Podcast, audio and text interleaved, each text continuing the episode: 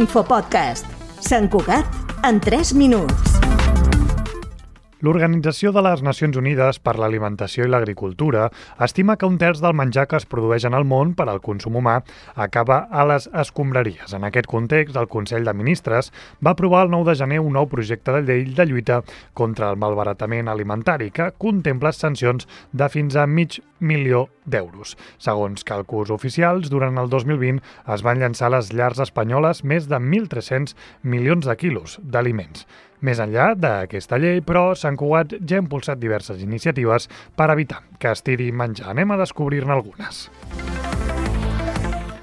A la finca de Can Montmany, Collserola, hi treballa la cooperativa L'Ortiga amb un projecte productiu d'horta ecològica.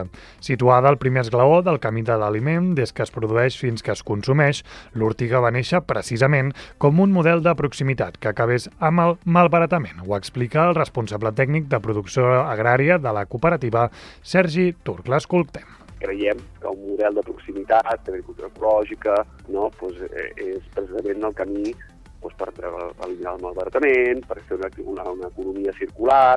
No? Nosaltres des del principi creiem que és una forma d'empresa, de, produ de produir, que aporta molts beneficis que precisament lluita i trenca contra tot això que ara estem veient, no? pues, ostres, és que es perden mogollons, tonelades d'aliments pel camí. Aquestes iniciatives també arriben a les escoles i als supermercats. És el cas del Gilgal Solidari. En el seu cas, recullen menjar de l'escola Collserola i al mes ofereixen uns 150 menús a les persones que ho necessiten. Escoltem la directora del centre, Rebeca Galant que aquí Sant Cugat, que hi hagi, que hi hagi aquestes alternatives, aquests projectes, jo crec que, que ens dona també un punt de qualitat en quant a la responsabilitat que, que tenim com a, com a ciutadans del món ja, de que en un punt d'aquest món doncs, tinguem cura i, i siguem equilibrats i aprofitem les coses que tenim. Per la seva banda, els supermercats, més enllà de col·laborar en la donació d'aliments, també impulsen accions per reduir el malbaratament. És el cas d'Aldi, que a més de tenir un establiment a Sant Cugat, també hi té la seu central de compres. Aquesta cadena de supermercats ha impulsat accions com aplicar un 30% de descompte a determinats articles amb una data de consum preferent o de caducitat pròxima.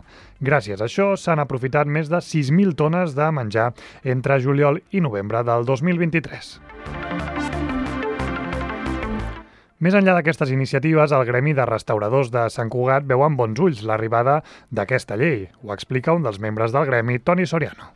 I el que passa és que, que, que el, el compte endarrere eh, és, és que el temps s'acaba. Vull dir que no, no, no sé si arribarem a temps de, de totes les coses que s'han fet malament regenerar-les, però bueno, quan abans comencem a una sèrie de praxis eh, que siguin positives, millor.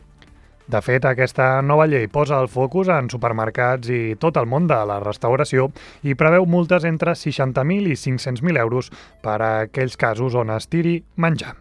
L'Infopodcast és una coproducció de Ràdio Sant Cugat i la xarxa de comunicació local.